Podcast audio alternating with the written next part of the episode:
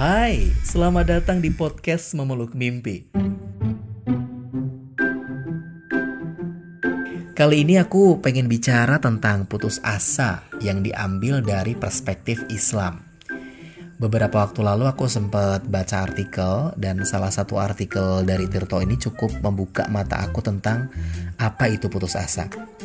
Nah, Menurut Fahrudin HS, dalam ensiklopedia Al-Quran, dia menuliskan bahwa putus asa berarti hilangnya harapan. Bisa disebabkan karena tenaga, pengharapan, dan kemampuan seseorang menjadi lemah, sehingga tidak ada lagi kemauan untuk melakukan pekerjaan yang digelutinya. Biasanya, orang-orang yang berputus asa dikarenakan gagal berkali-kali. Kemudian, dia menyalahkan diri sendiri, keadaan, atau lingkungan sekitarnya. Padahal, sebenarnya penyebab sikap putus asa bukan karena faktor eksternal karena kegagalan, tetapi bagaimana seorang individu menyikapi kegagalan yang ia alami. Anthony Robbins dalam Awaken the Giant Within memberikan gambaran yang sederhana. Misalnya begini, seorang anak yang gagal dalam satu lomba bisa jadi akan putus asa dan tidak ingin ikut lomba yang sama lagi. Sementara itu, ada satu anak lain, dia gagal, tapi dia belajar dari kesalahannya dan memperbaiki diri, sehingga pada perlombaan berikutnya ia akan ikut lagi. Ada kemungkinan si anak yang mencoba lagi itu akan memiliki performa yang jauh lebih baik karena ia sudah belajar dari kesalahan di masa silam.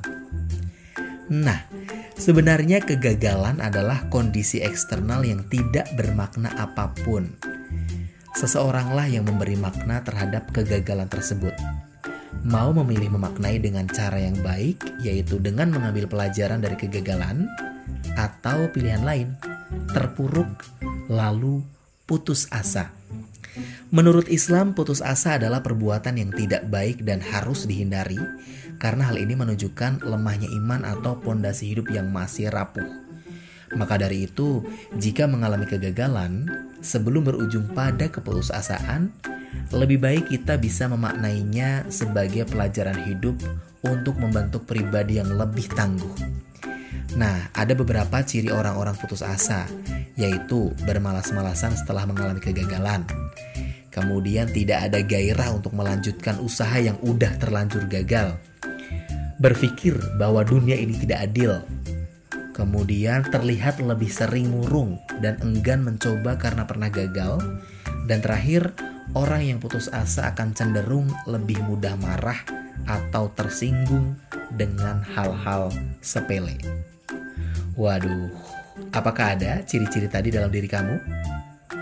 Terima kasih sudah mendengarkan. Aku Fahmi saja dan inilah podcast Memeluk Mimpi. Sampai jumpa di episode berikutnya. Bye bye.